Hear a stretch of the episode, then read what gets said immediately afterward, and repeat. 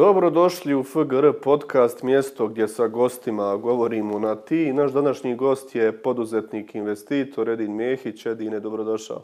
E, hvala puno poziv. Znaš ono da kod nas govori uvijek, nemoj me samo pitat kako sam zaradio prvi milion, pa ću te upravo to pitat, kako zaradio prvi milion? Pa ja to kažu, nemoj pitat, ovaj, ali al ja mogu, mogu pričat zato što je većina došla Ja se nadam da možeš. od, od, od puno malih customera. E, prvi, prvi koji sam izgubio, možda odmah da ti ispričam. Pa kreni od te priče, pa ćemo prijeći ja- na, ovo, na prvi koji si dobio, da. Pa vidi ovo, uh, ja treba, ono, znaš, kažu, jedno je zaraditi, a drugo je sačuvati te pare ili ponovo zarađivati. Uh, pa prve pare sve slučajno. Onaj, ja sam bio IT-evac, uh, ti princip, ako bio IT-evac tih godina, kad sam ja kretao, morao sam pokretati neke svoje projekte. Koje su to godine, kraj 90-ih? Kraj 90. Ja sam 95. je bio konektovan na internet i to mi je bilo neko religijsko iskustvo. Da je lapo ono što Pa kači. vidi, ne samo to, 95. je, znači, to je još uvijek opsada oko grada, nije Dayton potpisan i Soros je dao uh, deset računara, neku mrežu i bila je malo starija raja od mene koja je Cisco završila i tako dalje, koji su spojili sve to. A ja sam bio ono neko ko se vrtio tu mlađa raja, onda su on meni rekli, slušaj mali, ti ćeš biti ovdje koordinator. Ali to je bio neki polukonobar koji, koji nije trebao dati raj da uđe s cigarama i to sve. I mi smo imali 95. zamislite litski link, to je sve Soros donirao, ovaj, i um, na neki internet provider koji je bio u Amsterdamu. I ja sam tad otvorio, bio Internet Explorer, naravno mi svi koristili tad Netscape, i ovo, ono, ali bio je baš tu Internet Explorer. I otvorio sam Internet Explorer i bila je neki web. I bio prvi neki chat s nekim tim likom isto iz Amsterdama, pošto je bila neka koordinacija. I to mi je zauvijek promijenilo život. Ono, uvijek mi je tehnologija bila ljubav, ali internet, ja sam znao da svijet nikad neće biti isti poslije tog trenutka, poslije interneta. I što je dalje bilo? Vide ovo, Kako onda... si od interneta došao do biznisa? Ja sam uvijek želio i znao da će ja biti internet poduzetnik. To je neka moja mantra bila. Ja sam to negdje pročitao u nekim magazinima, ko što se ljudi ložili na rok zvijezde, moja ta generacija ili malo starija od mene. Ja sam se počeo ložiti na te poduzetnike. To, to je, oni su i u Americi predstavljali ko rok zvijezde. I onda sam ja rekao, ja ću biti neko od ovih ljudi, nemam pojma šta, šta je bilo, neka, ne, Bezos, nemam pojma. Bill koga sam Gates, začitao. Bezos, Bill nije Gates. još Bezos bio. Steve Jobs je Bio je to čak bez popularan. 94. Jel su počeo ono Da, već je tad krenula neka priča o Amazonu. Ali ono, neki, neki su se počeli pojavljivati, tad je bila Alta Vista, sajtovi kao Yahoo i tako dalje, Da, da, da. sajtovi koji su pomrli. Ovaj, um, i, međutim, nisam, naravno, znao sam da u BiH moraš sve čekati. U Evropi generalno moraš čekati. Znaš, ljudi kažu, ono, Bosna kasni, Njemačka kasni, isto, onaj, kao, i- kao i Evropa generalno kasni za Amerikom. Mi smo radili neki AI projekat za prije 7 godina za klijenta u, u Americi, odnosno machine learning neki projekat. A to sad, evo, recimo, njemački klijent naš ovaj, počinju raditi. I, I naravno sam znao da sam razvio videoteke, vamo, tamo, neke softvere.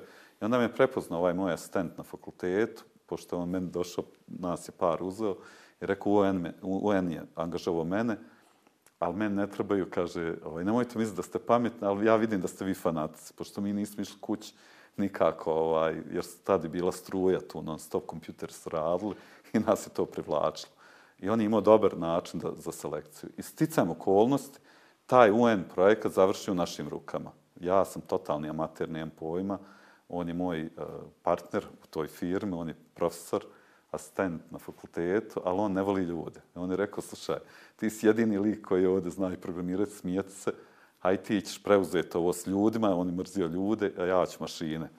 Tako da je vrlo malo dao nama da, da, da radimo, da programiramo samo, ali ja sam uzao taj menadžerski dio. Eto, to, to me nekako odredilo. I, I nevjerovatno zvuči, ja nisam znao ništa ni o firmi, ni o čemu, a napravio sam dvije fakture. Sjećam se dobro, bili su Word, jedna na 800.000, jedna na 400.000.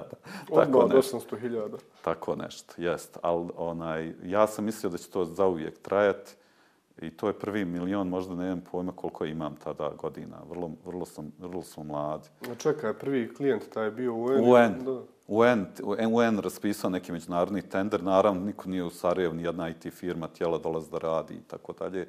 Mi smo razvili tu prvu verziju, mi smo dobili praktično otkaz iz UN-a. Sticajem okolnosti, ja imao neku firmu koja je radila tako te software za videoteke, sve to. i nađem se u toj situaciji. To je stvarno slučajni milioner što nekad napišu ovaj, za ljude. Ja sam slučajno to postao.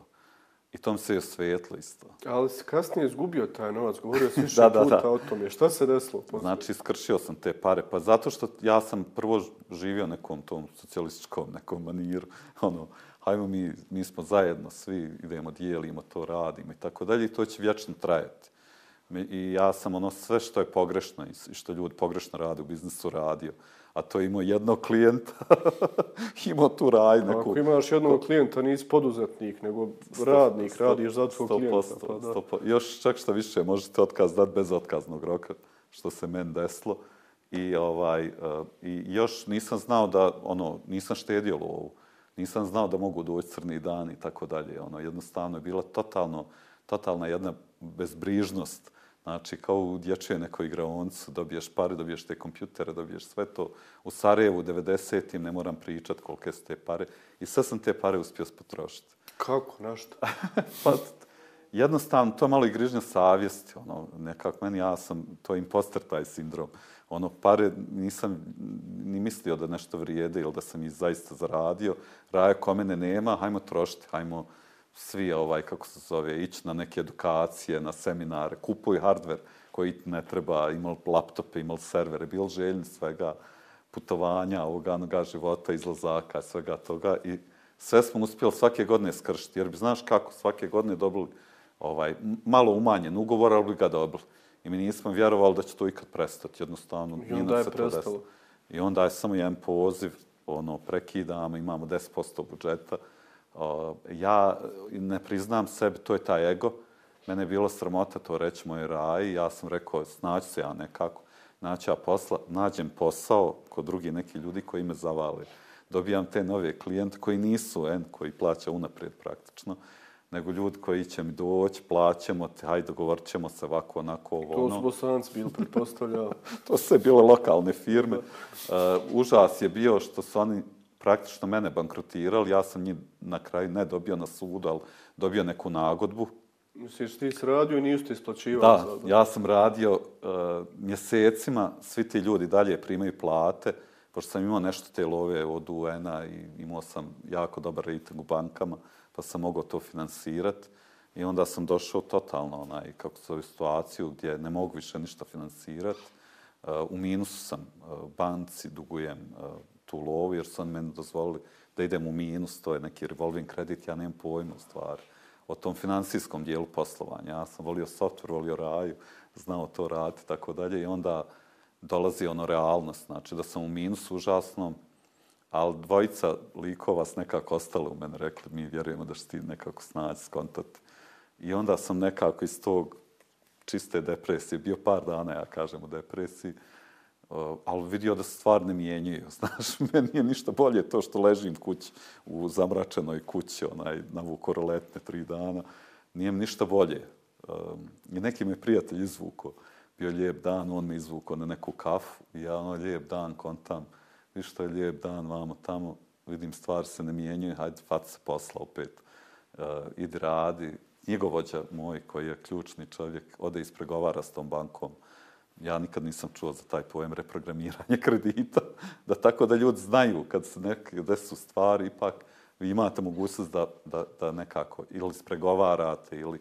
Ali vrlo važna stvar mi je bila, tad ja sam stvarno bio iskren. Ja sam rekao, ja ću pogint vraća ove pare i, i mislim da su to ljudi osjetili. I onda su mi dali tu drugu neku šansu, znaš. Ono, baš sam bio... Meni je, meni je to bilo sramota, iskreno da kažem, ono, znaš, da dugujem pare, da, To jednostavno nije bilo dozvoljeno. Sjećam se scene, jedne stari mi je ušao ono, na kuću, U stan koji sam iznajmio ovamo, tamo sad brodolom se čitav desio, živio sam u nekoj vil prije toga. I on dolazi, i on ima imao neke pare u džepu, garanti konto da ja dugujem 2000 maraka, jer to njemu je i to bilo kraj svijeta, ja zdugo 200.000. I on mi govori, znaš šta mali, imam, ja vidim da ste u nekim belajima, problemima, ono, eh, imam ja pare, vjerovatno ti par hiljada. Onaj, ja ću ti dati keš, ali imam uslov, jedan da nađeš eh, pravi posao. Da ne bude više poduzetnik, to je mislio. Ja njemu kažem, ma nije, nije stari, ovo je kriza, to je normalno u biznisu.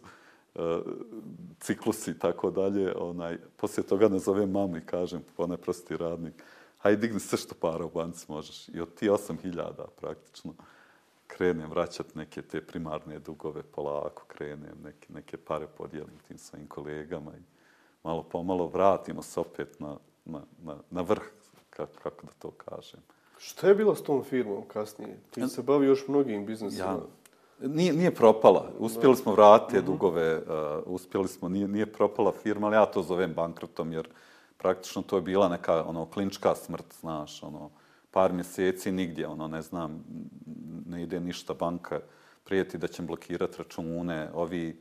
Uh, fazon je bio što smo mi imali zaista te ugovore, čvrste, s tim kompanijama, ali te kompanije su bile bezobrazne, jednostavno ste ono, to je ta igra, neka moć, znaš, oni mogu, i to je ono poznato, veliki sistem zna ugušiti tako dobavljač, dobavljač pogine, on ga finansira i tako dalje. Na kraju uspio taj knjigovač pomoći da sa advokatima nagodimo. Nisam, jer su me oni ubijedili, nemoj da sad tužiš do kraja, da te vrate kamate, hajde, dogovori se, nek te plate čak dio neki, samo da, da se izvučem iz ove situacije. Bavio se poslije još mnogim poslovima u javnosti, najpoznatiji bio po stranci posao.ba koja je nudila priliku za pošljavanje ljudima iz Bosne i Hercegovine, ali nemaš neku stalnu kompaniju. Meni se čini da stalno gasiš ili prodaješ neke bivše, posnivaš nove, to su najrazličitije oblasti. Čime se ti tačno sve baviš i čime se bavio kroz život? Ja, ja, pa znaš šta, ono, tehnologija je nešto što je meni najbliže, ono, što ja volim pravo i tako dalje. I uvijek sam u tehnologiji, to mi je ono neka baza. Ali onda ja sam ono oportunista i poduzetnik, ono, uvijek radim neke ili nove kompanije ili proizvode, volim tu fazu, volim tu fazu kreiranja, to mi jako ono, čini sretnim. I onda vidim šta, šta će uspjeti. I u mene uvijek nije ono, to, to neko sad čupao kost glave i rekao ovo je opasnost, nestabilan i tako dalje, ali to su jednostavno kako stvari ono napreduju u svijetu, u životu i tako dalje, a to je trial and error, davno dokazano i evolucija dokazala da su to stvari koje e, najbolje rade, a market prati tu, kako bi rekao, nek, nekoga zove džungla, zakone onaj, da samo stvari koje, to je najefikasnije. Kapitalizam je zaista ono mašina koja selektira efikasno od neefikasnog. I ti moraš praviti efikasne stvari. I ono, bilo ko, ko se uljulja, jer ima divna knjiga od ovoga osnivača Intela, on, uh, Only Paranoids Will Survive, samo će paranoici preživjeti. Ja sam u tom uvijek nekom svijetu. Znači, pokrećem različite projekte, neki uspiju, neki donekle uspiju, uh, neki zaista uspiju a neki se ugase ili, ili dobiju neku novu formu. Ja uvijek nešto naučim, tu znaš, svaki, svaki, svaki taj projekat, svaku tu firmu gledam kao neko iskustvo i žetone za novu veću igru. Sad pokušavam da igram neku novu veću igru. Prodao sam, znači, e, tu firmu Kolektiv koja je imala pored portala i one konferencije i plata ba portale. To je bio isto jedan eksperiment koji je bio isto uspješan. I tako dalje. Ono, pravio sam ekosistem oko poslodavca, jednostavno ja u nekom trenutku mislim da treba izaći iz biznisa. Ne uvijek, ne bi to uvijek preporučio i tako dalje, ali ne znam, vidio sam potencijalne nove konkurente, vidio sam LinkedIn i tako dalje. Jednostavno mislim da ima jedna faza života kad treba izaći, ako ti nisi dominantni player, ovaj, uh, ili dugoročno nisi dominantni player, što je, što je rijetkost. To je vrlo zanimljivo što govoriš, treba na vrijeme izaći iz biznisa. Da. Kad je pravo vrijeme? Pa, znaš kako, ono, e, e, imaju čak i neki parametri ili, ili neke brojke, to se zove neki multiplier, mi to u industriji zovemo, koliko ti vrijedi biznis, odnosno koliko tvoj e, biznis vrijedi je jest jednako profit puta neki taj multiplier. I to u industriji, ako je recimo hit neki internet industrije i tako dalje, nekad to zna biti zna, zaista veliki broj. I ja uvijek gledam koliki je taj broj. I onda da, ako je taj broj dovoljno visok, to je velika nagrada, recimo, isplatiš se i tako dalje. Nadam se da sam bio jasan sad ljudima koji ovo gledaju, ali uh, svaki biznis ima neki određeni trend. I sad nevjerovatno, evo sad je mala neka kriza u IT industriji, ali ne bi nazvao u IT industriji, u IT AI industriji nije kriza, tamo je ludnica, tamo je renesansa i tako dalje. Ono, ja mislim da, da, da ako nisi spreman na tu igru e, ekonomija gdje se stvari brzo jako mijenjaju, eto posebno AI sad svijet, čitam upravo knjigu onaj, nadolazeći val od jednog od osnivača DeepMinda, ono, do, dolazi neki val koji će sve to i šamarati i, i sve to ponovo poredati. I to je ljepota, ja mislim, kapitalizma, ekonomije, a to je da se stalno mijenjaju i, i stalno vrte karte. Nažalost, neki ljudi plaćaju visoku cijenu toga koji misle da su sigurni negdje i tako dalje. Što je... Ko plaća cijenu? Pa neki ljudi tako koji zaglave, znaš, koji misle da je to vječno. Poduzetnici, radnici. I radnici, da. poduzetnici. To je ne, nefer strana toga, stvarno, ono, e, da tako kažem. Moraš biti spreman da je to, to je ono, znaš, imaš neki godina, nisi ni kognitivno više spreman ni da se mijenjaš, ni, ni bi se trebao možda mijenjati, tako dalje. Tebe pljusne vali, kaže, svi ste out sada, izlazite, propale firme nemaš više mjesta i tako dalje. Ali evo kad to spominješ, treba na vrijeme napustiti biznis. Koliko zapravo ljudi u biznisu tako razmišlja da treba stalno investirati u nove stvari, napuštati stare, prodavati stare firme koje su pokrenuli, što se kaže ne treba sva jaja držati u jednoj košari. Ali meni se čini da je upravo prisutnija praksa kod nas, a možda i u svijetu, zapravo da neko osnuje firmu i onda sve ulaže u nju i potpuno se drži tog jednog posla kojim se bavi do Jest. kraja. Po meni je to ovo vidio kako sam ja u stvari na početku rekao propo, jer sam bio samo jednim klijentom, jednom firmom, ovaj, i neke druge su me stvari spasli, usput sam investirao u neke jaranske biznise, ala kafić, ala neko, neki servis i tako dalje, koji su mi zaista pomogli nazad da se vratim, jer su mi bili neki brzi izvor keša i tako dalje. Um, a znaš kako je? Daily Mail, recimo, je bio moj prvi investitor. I onda sam ja rekao, ja volio doći kod vas, sam rekao, štaš dolaziti kod nas? Daily Mail General Trust stvar, njihova uh, financijska grupa, koja je i vlasnik, između ostalog Daily Mail novina i dru, svih njihovi. Ja sam bio 400. sajt u koji sam investirao. Sa zamisli kako, kako oni igru igraju. Znaš, ti ljudi jednostavno gledaju da nisu samo uh, biznismeni, oni jako cijene druge biznismeni, kupuju u njih, traže njih, investiraju u njih, tako dalje. Uh, ali oni igraju puno još veću igru. Zamislite mi 400 web stranica kada, kada sam ja, ovaj, kada skupli mene. Ja sam bio jubilarni, taj 400 ti, ovaj baš CEO i tako dalje znao je, bio sam mu drag zbog tog, te brojke. Uh, i, i, I oni stalno kupuju i prodaju biznis. Uh, I u principu tu se bogate. To je još veća, veći nivo igre. On jednostavno nagradi tog poduzetnika za taj njegov trud. Da, ali neko će uspjeti od tih 400 stranica. Je, znaš šta on radi? I, i to upravo, uh, to ti govori koliko ti je vrijedna kompanija. On uzme i stavi profesionalni menadžment. I ja znam kad to kažem ovdje, ljudi to uh, ne vole, ovo nije popularno reći. A, kako će neko bolje voditi biznis od mene? I, i tu vidiš taj, pogotovo balkanski, taj ego, razumije? Ja sam stvorio ovu firmu, ja sam ovo napravio, ja ću umrijeti u ovoj firmi. I tako to, nažalost, bude. I nije, nije sporno ako, ako, ako firma ta može dalje da raste, da dalje akvizira i tako dalje. Ja sam želio proći, pošto to bio jedan od ovih snova moji, a to je da budem internet poduzetnik, da prodam tu firmu. E, ja mislim da sad možda spreman za firmu koja će kupovati upravo to širiti. Naučio sam sad i tu igru.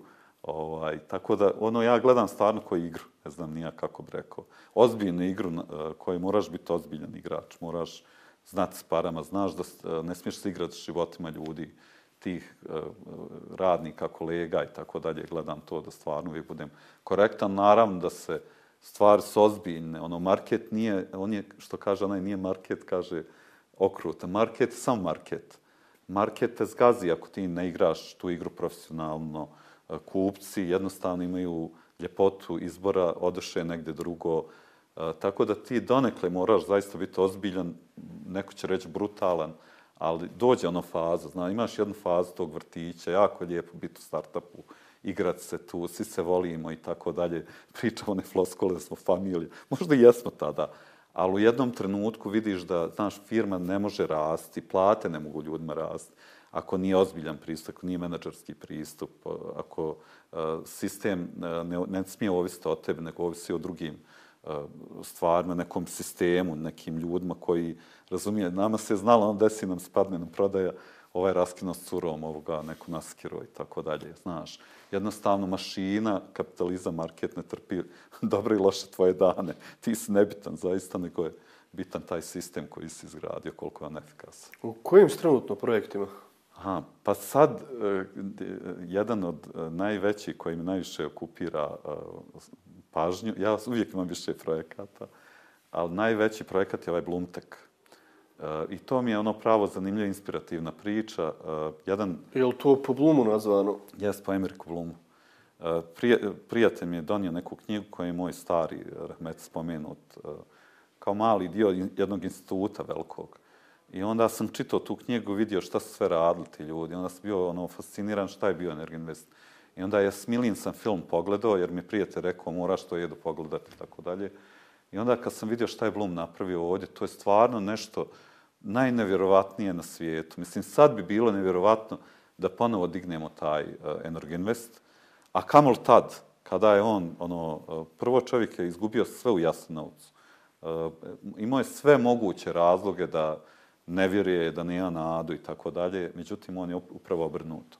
Uh, to upravo svoje preživljavanje iskoristio da napravi nešto ne, nevjerovatno. I, i super je u tom filmu ono kojeg treba ja želim isto ono pričao sam ja s Milom i Damirom da svako dijete ne samo u BH nego na Balkanu pogleda a, taj film o Blumu a, i vidi šta je čovjek napravio. I divno je što u tom filmu priča McKinsey konsultant kojeg je Blum tada angažovao ovaj, da mu sredi kompaniju, on baš govori jest firma bila u komunističkoj zemlji, ali Blum je pravio američku, odnosno zapadnu kompaniju po svim mjerilima ovaj, od uh, uspjeha, rezultata, strategije i tako dalje.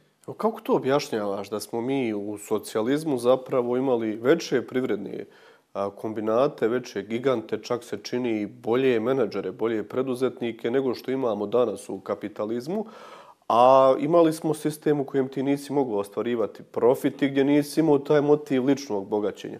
I pored nedostatka toga, opet su ti ljudi stvarali neke stvari o kojima mi danas možemo samo maštati. Da.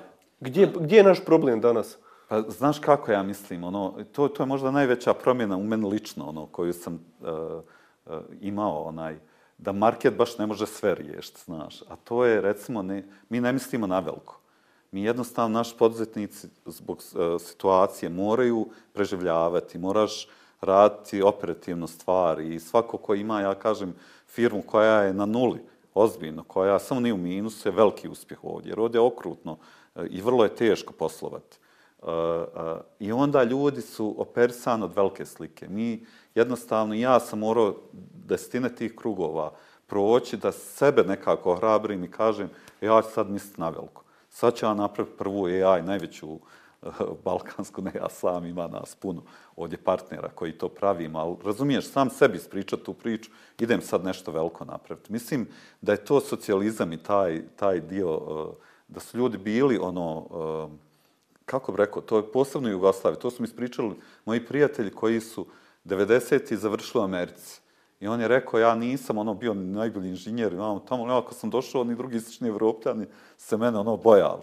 Jer on je on došao stavom, mi možemo, ono, ja, mi znamo i tako dalje. Kada nisam ja znao ni blizu ko Amerikanca, ali ja sam imao taj, Jugoslav imao taj neki nacionalni ponos. Ne znam, ja, ja nisam toliko, ja sam mene malo to zakačilo, ovaj, taj socijalizam, ja sam nesistan toga bio. Ali mislim da su ljudi imali taj stav, ono, idemo se takmičiti sa Simensom, šta nas, možda i zbog toga što je to, bila pobjeda u drugom svjetskom ratu. Ne znam kako da, da objasnim uopšte, ovaj, nisam ulazio, ni, nisam ni ekspert za to. Ali nešto je očito bilo u tom stavu. Ja mislim, dosta toga ima u glavi. I ja sam isto, kad sam gledao taj film, skonto, moje djeca su me pitali šta je ovo, tata? Ko je, šta je Energinvest? Ko je Blum? Nemaju pojma uopšte o tome. Ja sam rekao, pa dobro, za njih mi nije problem, ja sam to zaboravio. Ne znam, zato što sam ja htio izgleda to izbrisati, tu traumu svoju, prošlost i tako dalje. Ja sam zaboravio šta je Norgunes bio. Ja sam zaboravio da, da je Šipad bio Fortune 500. Ja sam zaboravio da je pet najvećih izuznika Jugoslavije bilo u Bosni i Hercegovini. I, I ja mislim taj neki, znaš, ono, stepen malo drčnosti, ponosa, ovo ono, i, i, jer ja mislim da je kod nas to problem, ako ja to kažem, malo će se ljudi smijeti. Ljudi se meni smiju, samo što ja sad imam bliže 50 godina. Oko čega se smiju, na primjer? Pa evo, recimo, kad na ovu izjavu, recimo da ja kažem, sad ja ću napraviti najveću kompaniju, bit će svjetska kompanija ovdje, u Sarajevu, će, u Sarajevu ćemo to napraviti s ovim ljudima ovdje. Blumtek, je. Blumtek će biti najveća kompanija, Hoćeš. jedna od globalnih. Pa evo, ja, se, ja, ja se neću smijeti. Ja, ja sam sebi to ispričao, meni je vrlo, vrlo bitan, meni kaže ono ti si dobar prodavač, ono. Nisam ja dobar prodavač, to sam, imam neke tehnike prodaje, nego jednostavno ja to moram interno. U meni mora to živjeti, ja moram vjerovati. I znaš šta je dobra stvar? što ja stvarno vjerujem da ovaj AI i ove stvari koje dolaze, o, internet nisam promašio, ali sam bio dijete. I onda nisam, onda sam bio skučen. Ja sam znao, i si ja htio govoriti, e, ljudi, hajmo internet, ovo pravite web stranice. Hajmo mi čitav Balkan držati Evropu, pravite neke... Ta sam između ostalo, recimo, prvi web shop smo mi radili za Šumahera, uh, Mihal Šumahera i ta, tako dalje. Ali smo to, to je bio taj outsourcing. Ja sam znao da će to biti ono veliko i tako dalje, ali ja nisam imao neke u sebi interno, znaš, hrabrosti i tako dalje. Sad kažem, hoćemo, mi ćemo biti to. Čemu je problem?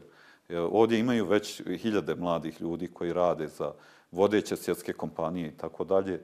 Ja mislim da je vrijednost, e, vrijeme sad da se probudi ova outsourcing scena i da kaže, ne, ne, mi ćemo praviti nešto, mi ćemo biti dio toga. Jer što je, što je potrebno da se napravi najveća IT kompanija u regionu? Ja mislim prvo ta glava, da, da prvo ja to vjerujem u to, da tamo kad pričam s nekim likom, da me tamo ono, ne dođe, mislim, znaš kako je, ono, biznis koji svaki je, ono, šta naši ljudi ovdje rade, šta mi većinom radimo s neki loan poslovi, razumiješ? Neko je skrojio, neko je napravio neku kreaciju, spustio tebi ovaj projekat gotov i ti šta to šiješ. I onda su konkurenciji šije i onaj tamo u Pakistanu, šije u Pragu, šije u Ukrajini i tako dalje. I mi se onda bidamo ovdje, takvim se na Balkanu, razumiješ, da i mi upadnemo taj voz. Ne, neću da upadnem taj voz, hoću da odem e, korak e, više, gore, e, znaš šta tu treba? Tu moraš uh, ići na taj level up, tu moraš biti hrabar, moraš biti uh, e, investirati, recimo ono što mi sad, pored uh, Blumteka pokrećemo, to je institut. I vide ovo, evo, futbalskim riječnikom, ovo, ovo je vrlo malo ljudi zna. Uh, isto kako smo mi bili IT-evci, mi nismo mogli raditi u državi. Zato je dobra outsourcing scena. To ti je ono uh, prilika u neprilici, znaš mi nismo mogli raditi, nije bilo domaće potražnje nikakve i recimo većina IT-evaca, mi smo svi izvoz radili. Izvozili smo vani softver naš. Brijetko je bila, evo recimo, ne znam, nija firme poput Olixa ili nas ili neke drugi firmi koje su pravile neke domaća rješenja neka za neke servise i tako dalje. Ostale IT kompanije su bile vani. E, a šta, šta je nama nedostajalo, šta nedostaje, jest taj research neki, odnosno istraživanje, znaš, ono, razvoj istraživanja. I to je vrlo skupo. I vidiš što se kod nas dešava. E, mi imamo nevjerojatnu scenu naučnika sad svugdje po svijetu.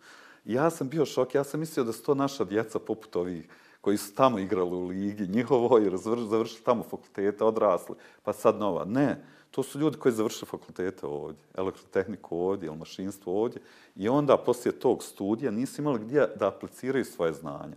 Jer domaća privreda ne, ne traži sada doktorata, magistranata i tako dalje. E mi hoćemo to da promijenimo. Makar jedan nivo da, e, da održimo tih ljudi ovdje, da rade magistarske ovdje, da ne odu rano, već poslije fakulteta, da ako žele da budu istraživači, da idu vani. I stvarno želimo, ovo nije ono e, samo naš projekat, mislimo da i domaće firme da će prepoznati to, a to je, ne znam, nija, recimo Aldi, E, firma u Njemačkoj, veliki retail lanac, finansira e, AI institut e, u Njemačkoj i tako dalje i tako dalje, zato što želi da im se rešavaju. da će to s našim firmama biti moguće? Pa vidi, probat ćemo. Ja, ja, ja mislim ono, ja, ja mislim da je sazrlo malo vrijeme. Znaš, nije ovo više ono, nije ovo više vrijeme humanitarne pomoći, nije ovo više Bosna i Hercegovina sromašna neka zemlja. Mislim, ko sebi tu priča priču je potpuno... Vidi, to je nepopularno što govoriš. Ja doživljavam kao novinar kad objavim neke pozitivne vijesti da je plata narasla ili da bosanci i hercegovci žive bolje od neke države, da. meni napadnu ljudi ovaj. Da. Kako te nije sti to pisati, sve siromašno, ne znaš ti kako ljudi preživljavaju rove po kontejnerima i tako dalje. Da, odmah su uhvate ljudi. Jeste, jeste, jeste. Ima, ima ne, ne, mi kod da uživam u toj sirotnji. Ja imam neki taj ošaj da mi želimo da ovdje bude kuknjava, da bude siromaštvo, da bude beznađe. Ja sam se često pitao šta je razlog tomi. A ja zapravo shvatam da je to izbjegavanje odgovornosti. Da. Jer ako ti kažeš loše je, užasno je, ne može ništa bolje, najgori smo, najzostali smo, onda imaš opravdanje lično što ti nisi bolji nego što jesi. Ali ja mislim da je još gore nešto. Ja mislim da je još gore da je to, ima knjiga inače, ono, volim čitati malo psihologiju i studije i tako dalje, da mi sa sobom jednu trećinu vremena, eh, dok ne spavam, mi pričamo sa sobom. Ja mislim da ljudi pričaju sebi taj narativ. A, vid kako ode prljavo, vid kako ode nevalja, ode selo povluk, ode sve. I na, ja kažem, to nije alibi da mi ne budemo bolji. Ja stvarno, ono hrabrim uvijek i novinari, mediji, ono, i ono, treba uvijek pritisak praviti, puš, puš i tako dalje. Ali ono, jednostavno, ta percepcija da stvari nisu bolje, nije tačna za neke određene stvari. Recimo, to ti je generalno svijet, pa ode Trump po Americu, ubijedi ljude da, da će on opet njih napraviti dobrim. A, a po svim statistikama ljudi bolje žive, duže žive, imaju više para, ima više kapitala i tako dalje, tako po svim parametrima. Ali jednostavno ljude možeš uvijek uvjeriti da je loše i da je lošije. I to ima zbog toga upravo što nam taj mozak, bez obzira što je e, veliki progres ostvaren, dalje je u, u afričkim stepama tamo. Mi dalje smo iz onih pećina izašli. Bojimo se da nećemo hranu naći danas. Sto posto. Bojimo se, nema hrane, nema ovoga, nema šta ako izgubim šta. I što bi rekao ono brega, nema mocrta gladnog. Ono. Stvarno je, grozno. Ljudi mogu propast, ljudi preživljavaju lično sad neke tragedije i tako dalje. Ali nema toliko gladnih ljudi u Bosni i Hercegovini. Stvarno nema. Ima siromašni, može nam i mora nam biti bolje. Ali ja mislim upravo taj narativ. Mi hoćemo da promijenimo. Ono, mora nam i može nam biti bolje ako ćemo smi uhvatiti u koštac sa nekim firmama vani. Mi moramo više raditi, mi moramo više učiti, mi moramo, taj sebi narativ trebamo pričati. I znaš šta je još dobro bilo? E, sticam okolnost sam kroz svoj posao. Radio sam jednu konferenciju koja je bila čisti moj čeif. A to je da ja, mislim, nije samo će, drago mi je bilo da ljudi isto vide te ljude. Ali ja sam imao luksu, znaš, da tim ljudima, recimo, odem na večeru ili provedem dan s nekim vrhunskim menadžerom. Recimo, ovdje je bio CEO Zare, bio je HR globalni menadžer Intela i tako dalje, vrhunski globalni kompanije. I onda taj čovjek je bio porijeklom Irac. I on imao jedan fantastičan govor i, i tu, tu večeru sam baš uživo sve. I on je rekao, ja sve razumijem ovdje. Mi smo ircisti koji vi. Ovaj, slično jako razmišljamo i tako dalje. I znaš šta je fazon? E, u nas društvo ti manje zemlje i tako, naravno, Irska je doživjela ogromnu transformaciju. I dosta su upravo ti uh, Irci, Amerikanci donijeli tu pozitivizma i tako dalje. Oni su kao narod, i mi smo vjerovatno, fokusirani na to što je slabo, loše i pogrešno. I nismo ušte fokusirani na izuzetne ljude ovdje. Razumiješ? Po, koji pobjeđuju, koji rade, koji stvaraju i tako dalje. Čak šta više, vjerujem, poduzetniš i tako dalje, ja sam uzeo, dakle, ja sam, znaš, ono, prima metke. Onaj, e, I znam da mi ljudi ono izvezaju neki, razumiješ, ono, poduzetnik, ovaj, poduzetnik će sve riješiti, ali zaista hoće. I ti ljudi su totalno strane, nemoj matere da se od mene priča, nemoj da sam po medijima. E, e, baš, sam te to, baš sam te to htio pita. Dakle, ako pogledamo Ameriku, da. najpoznatiji ljudi, najveći heroji u toj zemlji su poduzetnici sportisti. Dakle, u Americi su najpopularnije ličnosti Bill Gates, Elon Musk, uh, uh, Jeff Bezos, Steve Jobs, Mark Cuban.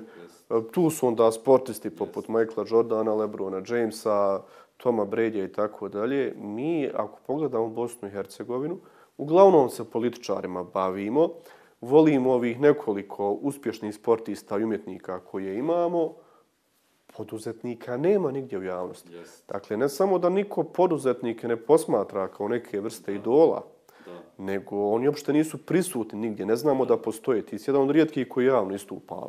Zašto je to tako? Pa to ono e, Đuka, ovaj filozof sa e, Wall Streeta, on to super kaže da e, u fazonu nećete biti bolje ako Elon Musk izgubi pare.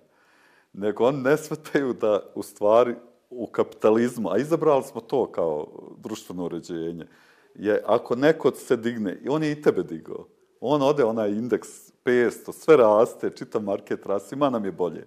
Plate su veće i tako dalje. Znači, mi bi trebali pod hitno slaviti tuđi uspjeh. Ja, meni je to priroda da, ali ja nisam znao ovaj, ekonomsku ovaj, nauku ili, ili, ili eh, eh, potkrepljenje ekonomskom naukom. Da je svima bolje kad neko uspije neko stvara vrijednost, više para, on vrati te pare uglavnom kroz plate, kroz neke druge stvari u sistem, sistem raste, ova eh, pogača, pita raste i tako dalje.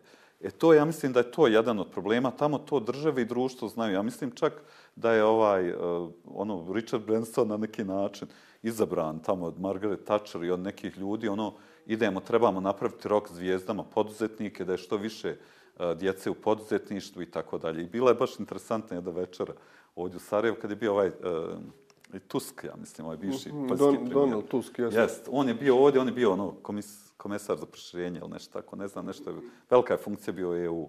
I baš smo ja i on imali priliku da pričam, ja njemu kažem kako je kod vas super to što trošite stotne miliona ovaj, za startupe. I baš je pričao, ne znam koliko je potrošio u Rumuniji, ne znam, 93, 60 miliona, 30 miliona u Grčkoj i tamo vam. I on meni rekao, ali ne svataš, nije bitno uopšte koliko će... Ja sam problematizirao taj povrat. I kažem njemu, ona, jel nije neki veliki povrat, jel da je, jeste li vi zadovoljni, propitujete li vi to? On rekao, nije bitno, ovaj, jel veliki povrat, meni je bitno da svako drugo dijete u Bugarskoj želi da bude poduzetnik. E, o tome se radi. Znači, ljudi na tom većem nekom nivou shvataju koliko je to važno. A kod nas, to sam dosta pitao i političara, pošto ja imam godina i znam dosta ljudi, onda on kaže, znaš šta, sada se niko ne naljuti, ali u nas je dosta u politici e, pravnika, znaš, ljudi koji se bave, što je vrlo važno, naravno, zakoni su važni i tako dalje. Ali suština je da te ekonomija raste, ekonomija da ti ide. Jedina politika koju mala zemlja može imati je ekonomska. Naši ambasador trebaju da idu tamo prodaju koje je estonski, da kucaju i tako dalje, da dižu firme, da vide imali kakvog keša, imali neki tender na koji se firme mogu prijaviti, da svi budemo u službi te neke ekonomije, pogotovo kod nas nikakve vrlo je mala. Kad bi se svi ujedinili ovdje, kad bi, sve, kad bi svi bili poduzetnici, mi smo mala ekonomija. Ali ne vidim ja da se baš i poduzetnici puno trudi ovdje da budu zvijezde, da ih opšte ima u medijima, kamoli da pišu neke knjige, da drže predavanja, daju savjete, što je sasvim normalna poduzetnička uloga u svijetu. Pa i Richard Branson, koji je sebe brendirao kao zvijezdu, uh, sa tim svojim raznim putovanjima po svijetu, humanitarnim akcijama i ostalim aktivnostima koje ima. Pa trebala bi ta poslovna zajednica, ono, ona šta, šta, je, šta, šta, šta je problem s poslovnom zajednicom ovdje u tom smislu? Pa vidi ovo, Nema ih puno društvenom U biznisu ima velika, velika poslovna zajednica. To su ovi najveći sto. Ja mislim da oni imaju jako dobre odnose sa vladom i da mogu izlobirati lakše i tako dalje. Ali ima stvarno ovaj veliki broj. Ali ne bi da kažu nešto kontroverzno, jel? da, 95% ekonomije koji nema glas. To su ovi mali poduzetnici, nešto vrte rade i tako dalje. Nisu artikulirani. Kažem ti, e, veliki biznis će uvijek naći e, jezik sa vladom i tako dalje. A manji, e, teže, ne znam, ne znam. Mislim da je, rekao sam ti isto, dosta, mi još uvijek smo u tom modu preživljavanja. Znaš, ja mislim da to, mlada smo mi, država, ekonomija i tako dalje, ja mislim da će to vremenom sve više doći. Znaš, doće ipak neka nova još generacija ljudi. Ja se nadam ipak da ovo ide sve naprijed, da se taj broj poduzetnika povećava, da će uh, izaći ljudi, prodaće firmu, pa će opet investirati, da, će, na, da ćemo naučiti isto upravljati kapitalom, to je isto velika stvar. I onda ljudi se, znaš, bave svojim poslom. Nema on vremena. Zaista, ako su poduzetnik, nemaš ni vremena da se ti baviš društveno odgovornim radom i tako dalje. Ja malo to i volim, malo, malo i mislim da to treba da bude uloga, da ima neki glas biznisa i da, da se i mi negdje pojavimo. Ko ugrožena vrsta, iskreno. Da, da evo kada uh, to spominješ, već često si kritikao zapravo stanje u društvu, smatrajući da je naša poduzetnička kultura na vrlo niskom nivou i da zapravo većina stanovništva to gleda kao nešto nečasno, prljavo, uh, negativno. Da, da, da. Kako, kako danas ocjenjuješ evo, odnos prema poduzetništvu koji vlada u društvu općenito? Je li zapravo a, poduzetništvo percipirano u, u stanovništvu kao put kojim bi potencijalno se moglo ići i kao nešto što je pozitivna snaga zapravo promjena. Pa ja, ja mislim da hoće, znaš, da će to generacijski doći. Ima ona dobra izjava jedna, ono, kad je, ne znam ko je to rekao, Jim Carrey, ono, znaš, kad je shvatio da mu je otac, mrzio je posao koji je radio, bio računovođa negdje, htio je biti uh, komičar kao on. I onda je dobio, nažalost, otkaz i to u 50. godinama u postu koji je mrzio. Ja mislim da će dosta nova generacija na neki način osjećam da, da će vidjeti u principu taj, tu struggle, tu borbu, izazov koji roditelji su prolazili. Da će ljudi shvatiti, aha, da će biti više ove edukacije, iskreno da kažem. Ono, vidim da se ljudi počeli razmišljati o tome, aha, nije investiranje u kripto jedini način investiranja ili nekretnine. Aha, ima taj neki indeks koji vraća godišnje i tako dalje. Dosta je neznanja. Dosta je, ovaj, mislim da to od mali nogu trebaju ljudi biti izloženi. Ja mislim Vidiš da... li tu potencijal među mladim? Koliko su oni okrenut ka poduzetništvu?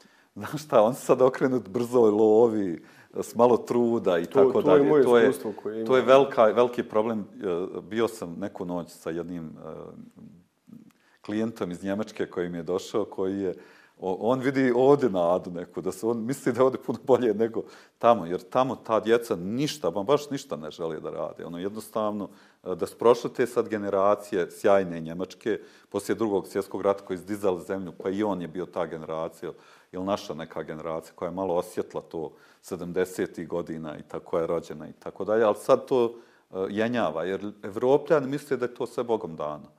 Oni misle da ovaj život koji mi živimo, slobodni vikendi, eh, neka zašta... Četiri sedmice godišnje, da. Da, četiri sedmice godišnje, godina dana, trudnička. Nemojte sad da neko misli da ja da sam protiv toga. toga. Ja mislim da su to evropske tekovne, to je sjajno. Ali, to nije besplatno.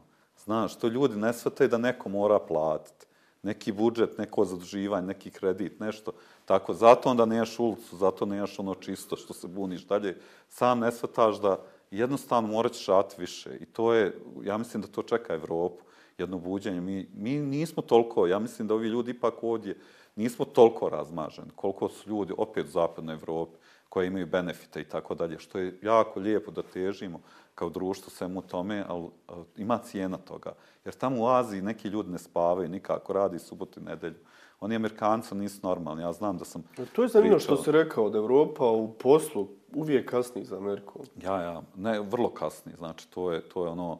Uh, ja mislim da zato što uh, imali smo tu tradicionalnu neku uh, poziciju dobru industriji, to sad kad kažem Evropa, to je širok pojem, mi smo neka vrsta, ali al kažem onaj, uh, trebamo biti, mi jesmo srce Evrope i trebamo biti, reći sebi, ok, mi možemo igrati tu igru sa Evropom, možda sad to iskoristiti, ima jedan dobar poduzetnik koji je jako veliki izvoznik ovdje, vrlo je uspješan i on dominira, recimo, Evropom. To, tome se malo zna, recimo, da smo mi u, nekim industrijama, poput industrije montažnih kuća i tako dalje, vrlo dominantni u Evropi, da smo jedno od najboljih u tome što radimo i tako dalje.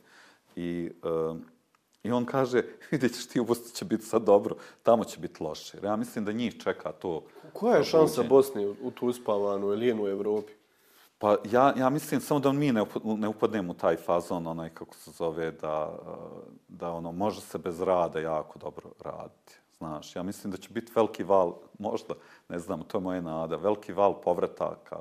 Jer vidim sad u Hrvatskoj jedan trend majstora koji se vraćaju u Hrvatsku jer zarađuju isto uh, ovdje i u Hrvatskoj stvari i u Njemačkoj. Onaj, e, ima taj uvijek neki mikrotrend, ja to zovem, nisam ja ovo izmislio, to ovaj Peter e, Dixon, on je izmislio, on je futurista, on kaže, ima neki mikrotrend koji postane makrotrend. I kaže, neki je makrotrend koji će se smanjiti, postaće neki mikrotrend.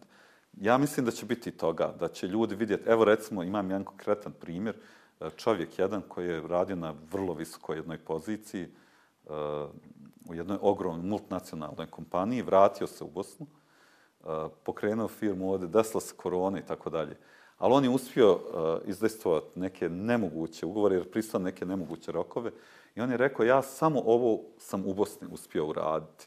E, ja kažem, kako? Kaže, zato što je mala zemlja, ja sam imao sve ljude, ono na telefon sam i uspio dobiti i tako dalje, to bi u Njemačkoj bilo teže. Znači, znaš kako ima dobra knjiga Malcolm Gladwell, svakom preporučujem.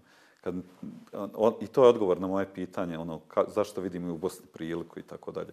On je u toj knjizi, e, nizi studija, ovaj, on je rekao u svakoj prilici ima neprilike, svakoj neprilici, nepovoljnost ima ogromna prilika. I zato je ono David i Golijat stvari, ono da je David stvari možda superiorniji, iako se čini sićušan, malen, nemoćan prema Golijat koji je neki džin koji hoće da ga zadavi, koji ga može jednim potezom, ali David je brz, e, vitak i tako dalje, onaj, uprav, gađa kamenje s 50 metara, ne mora ulaziti. I tako, uvijek, uvijek ima nešto dobro. E, ja se nadam da to, da, da to, da mi nećemo biti ti razmaženi ljudi, da smo mi naučili pak trpiti ovdje. Da smo mi naučili neke stvari. Ja mislim kad bi se povećale plate, kad bi došlo do nekog standarda, nadam se, vjerujem da bi naši ljudi to puno više cijenili nego neki, razumiješ, tamo Njemac koji, on se ne čudi ničemu.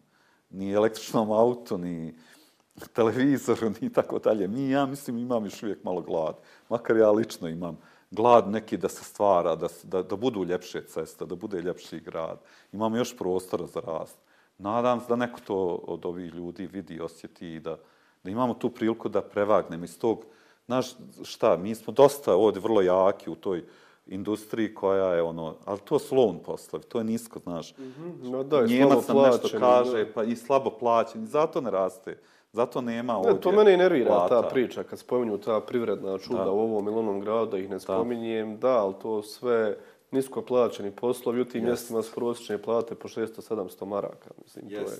Znaš šta možda to bila šansa? Meni, baš... meni malo i nervira što se to nameće kao model razvoja koji treba slijediti, da mi prihvatimo da budemo jeftina radna snaga.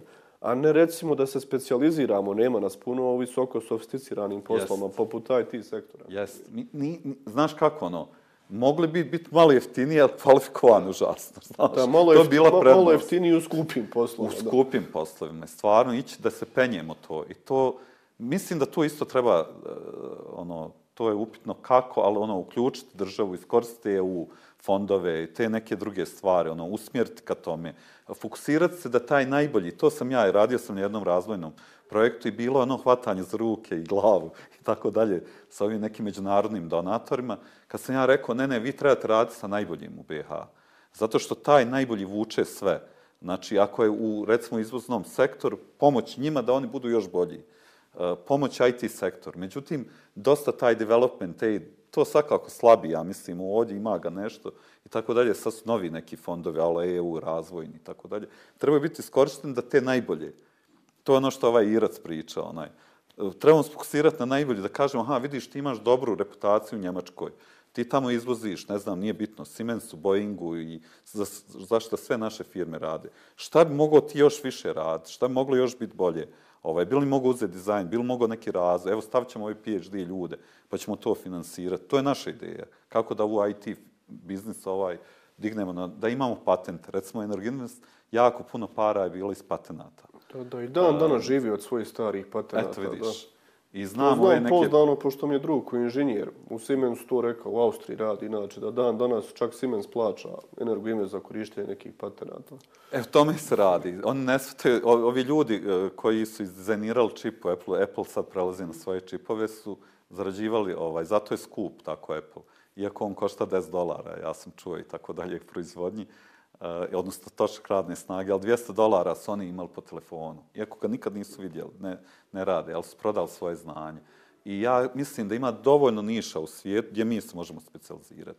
I tu vidim ja i neke druge stvari. Eh, to je livada jedna ogromna planeta, neosvojena i tako dalje. Možemo uzeti svoj komadić i imati ekspertizu. Ja garantujem da će firme, investitori, partneri, da ima jedna interesantna onaj, uh, Eh, ima više takvih priča gdje mi u BH zaista imamo eh, neko jedinstveno znanje.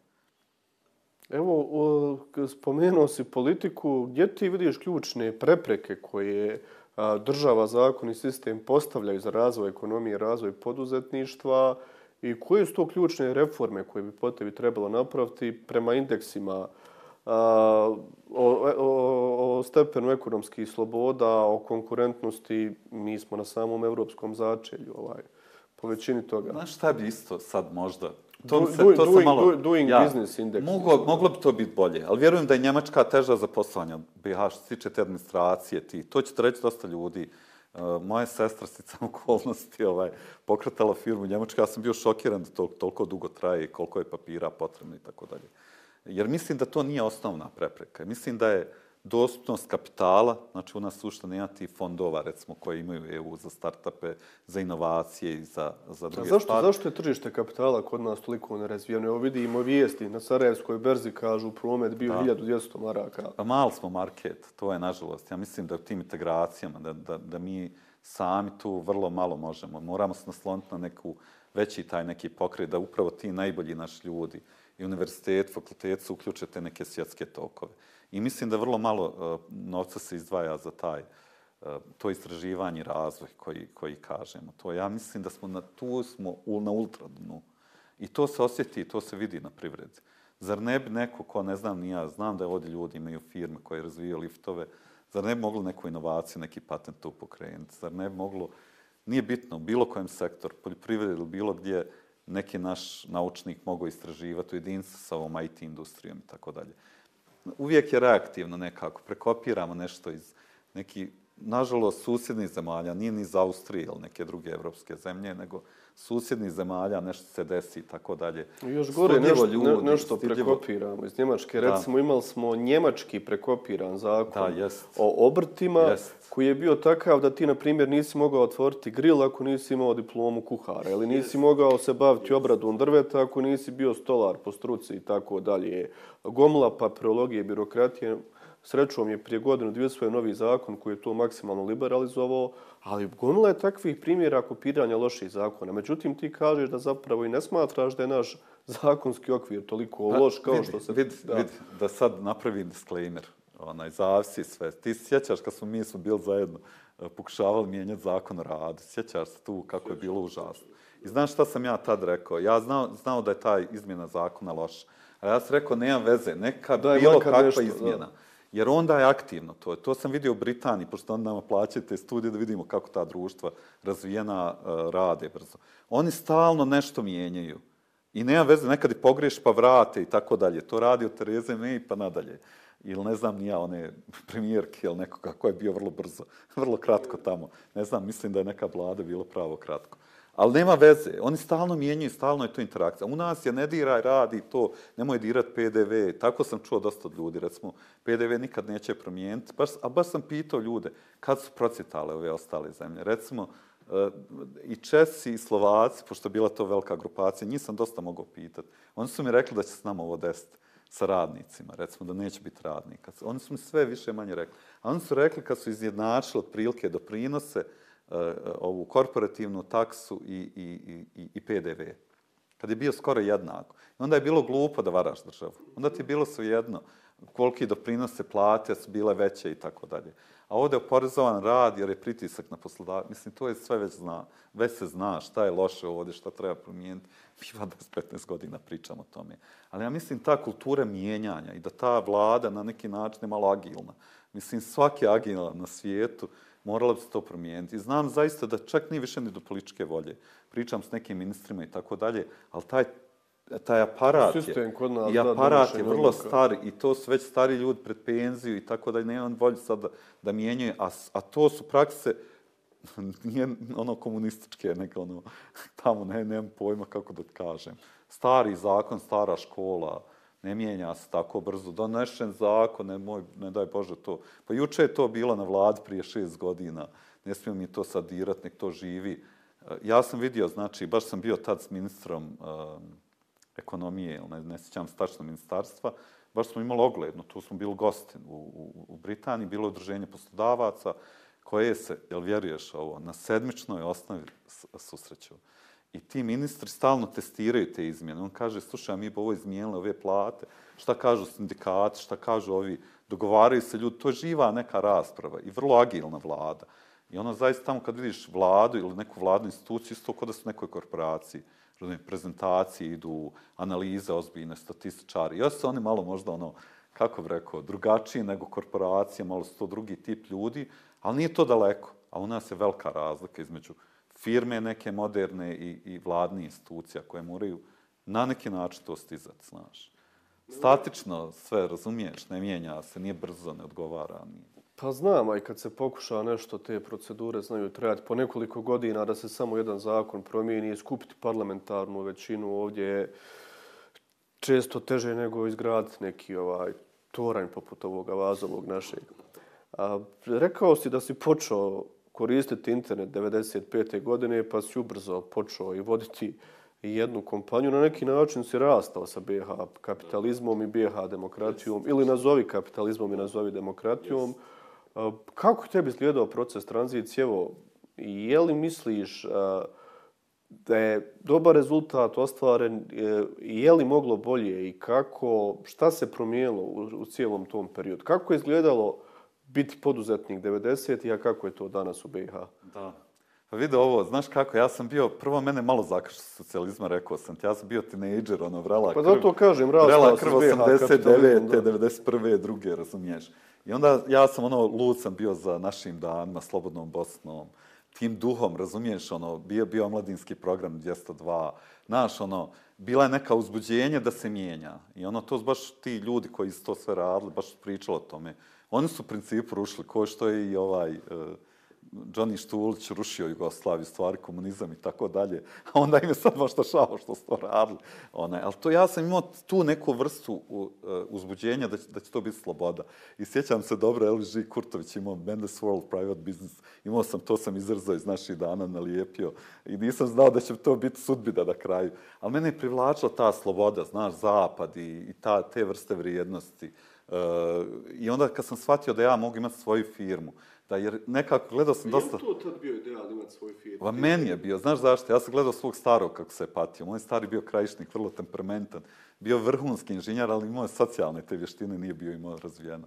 I onda bi se on vrlo brzo zakačio u nekom konfliktu, bio sa nekim šefom i tako dalje. I kasnije, možda više nego tom, bio je vrlo sretan kad je radio u institutu Energinvest, on ono, trčao je tamo, ja sam bio zanemaren na bijelom dijete zbog Energinvesta, ovaj, jer je bio sretan jer je radio tako vrhunske stvari. Ali on je ono imao uvijek neki osjećaj, a ja bi trebao imati svoju firmu, ja sam trebao, ja sam gledao to.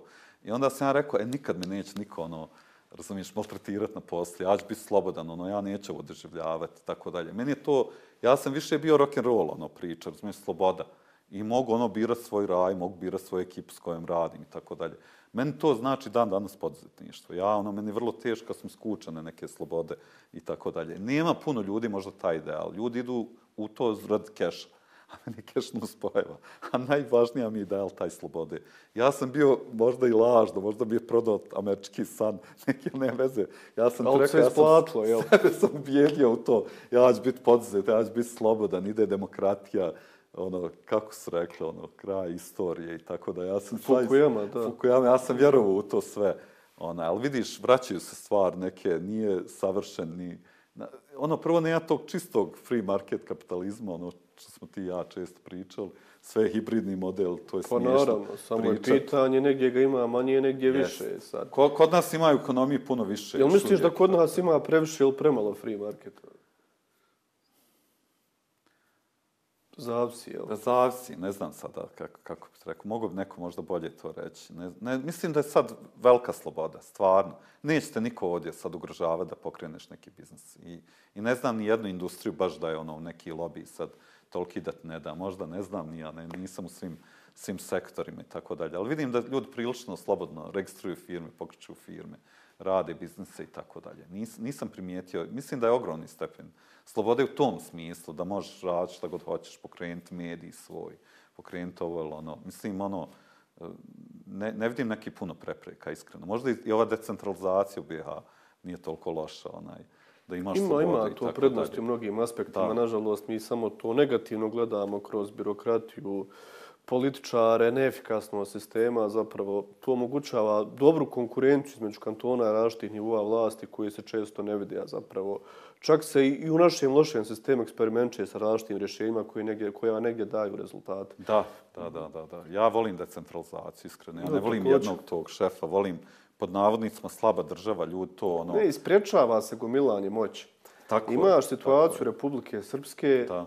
gdje Milorad Dodik, a to je činjenica, ja znam jer sam pokušavao raditi tamo s različitim institucijama, znači ta kontrola režima ide bukvalno do domara u školi.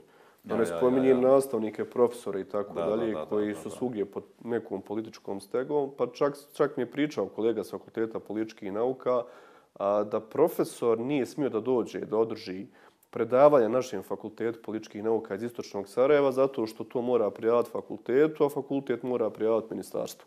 To u federaciji već nije moguće zbog tolike decentralizacije da, više, da, da, da, da. i više stranaka i tako dalje. Tako da mislim da je decentralizacija naravno u granicama normalnosti može biti jedan pozitivan faktor koji stvara nekakvu konkurentnost čak između a, različitih nivoa vlasti. A mi znamo da je u ekonomiji dobra konkurencija po i svemu. Mislim, kad bi igro... Zamisli da se oni, ali oni se takmiče nekim drugim pa stvarima.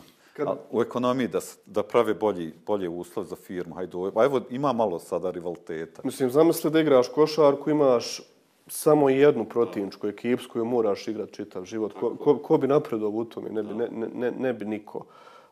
Spomenuo si mi da naš osjećaj da u Jugoslaviji postojao taj pozitivan naboj, taj ponos na državu, da smo mi zaista vjerovali da možemo stvarati velike stvari. A da danas u Bosni i Hercegovini to A, ne vidiš, ja čak privatno imam osjećaj kad pričaš ljudima, kad oni komentaršu različite stvari, ekonomiju, politiku, sport, svi se o sve razumiju, svi poštuju svoje mišljenje, svi znaju kako bi sve probleme riješili. Međutim, kada, ih pre, kada im predložiš nešto, hajmo raditi ovo, hajmo se aktivirati, onda jo, nemoj mene, pusti me. E, I kako ti gledaš ovaj, na, na taj mentalitet i gdje smo mi izgubili evo, tu neku vrstu ponosa koju smo neko već možda imali tu vjeru u sebe da mi kao pojedinci možemo nešto veliko napraviti? Da. Ne znam, ja mislim da ima veze, znaš, možda zato što dosta ima jedna generacija koja je istraumatizirana, koja smatra da je to upravo taj socijalizam naš maksimum i vrh, razumiješ, i misli da je to nedostižno. E, da, da Sarajevo ne može biti opet centar nečega, da ne možemo biti najbolji u sportu. Da. Ja mislim jako puno, to, evo ja to pričam iz, iz e, poduzetničke perspektive. Znam da se ja ujutru ka, pričam i tako da imam ja dijelo malo taj impostor sindrom, imam uvijek svaki malo bipolan, pa govorim sebi, a ne znaš, treba biti bolji i tako da. Ali to je mali dio mog dana. Većina mog dana je, hajde, Edo, možeš to, hajmo raja, razumiješ, idemo praviti e, naučit ćemo, ima li najbolji čovjek za to, daj nekoga da nađem, koliko je para, platit ćemo, nema veze, rizikovat ćemo i tako dalje. Većina mog dana je stalno neka afirmacija, da tako kažem.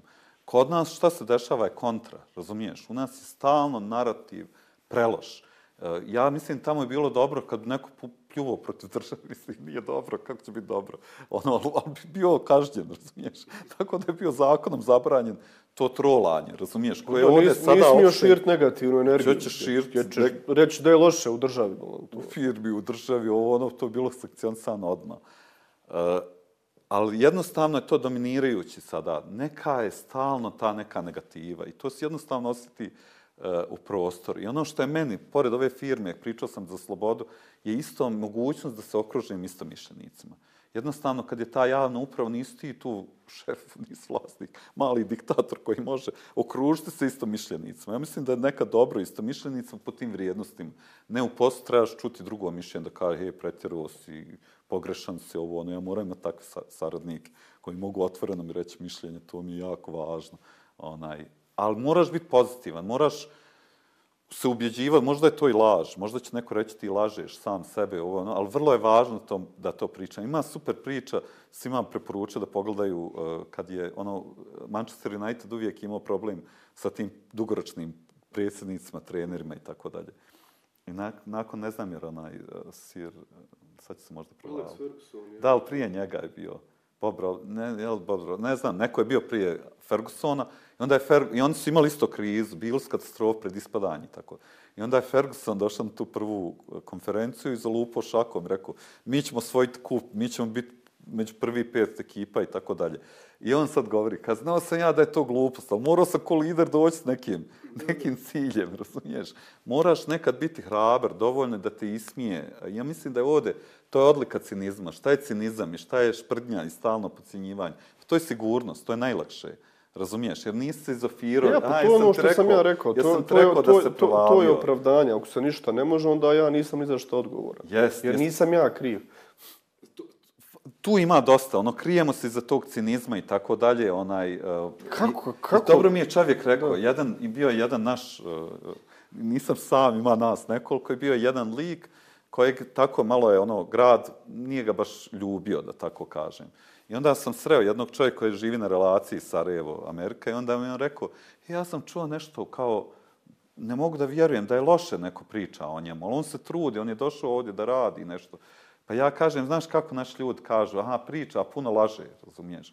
A on rekao, pa šta, mi znamo da Elon Musk možda laže, ono, ali da trećinu ostvari, pa mi ćemo biti najsretniji na svijetu. Ne mora nas odvesti na, na, na mjesec, ali neko one rakete, nek nađe način kako da iskorištavamo svemir bolje i tako dalje. Razumiješ, to je jednostavno, ono, kultura je drugačija. Ljudi tamo vole malo bajke. Ne znam, najbolje mi je nešto što sam ikad gledao u životu jest kralj Doli Bela, ovaj, kako se zove, kad on tjera sina Slavka Štimca, da mu čita, znaš, kako će biti budućnost. I on kaže, u samo komunizmu, čitaj, da, vamo čit, i prokišnjava. Čitaj kroz, samo side, čitaj. Mislim, to je irodije i ovo je ono.